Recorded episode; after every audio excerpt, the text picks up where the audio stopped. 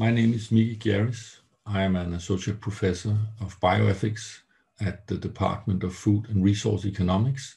and I'm here to invite you to a lecture and discussion on CRISPY, CRISPR crickets, the ethics of sustainable insects production.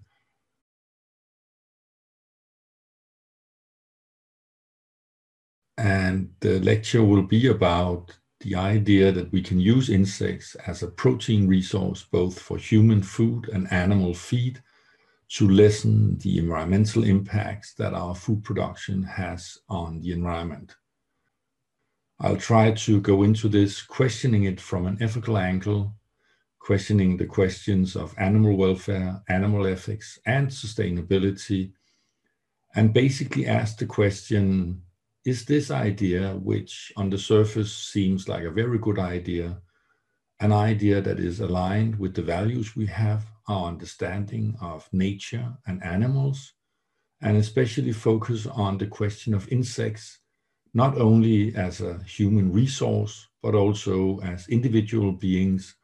that might be awkward others, as they're called, but still and nonetheless are beings that we share this planet with.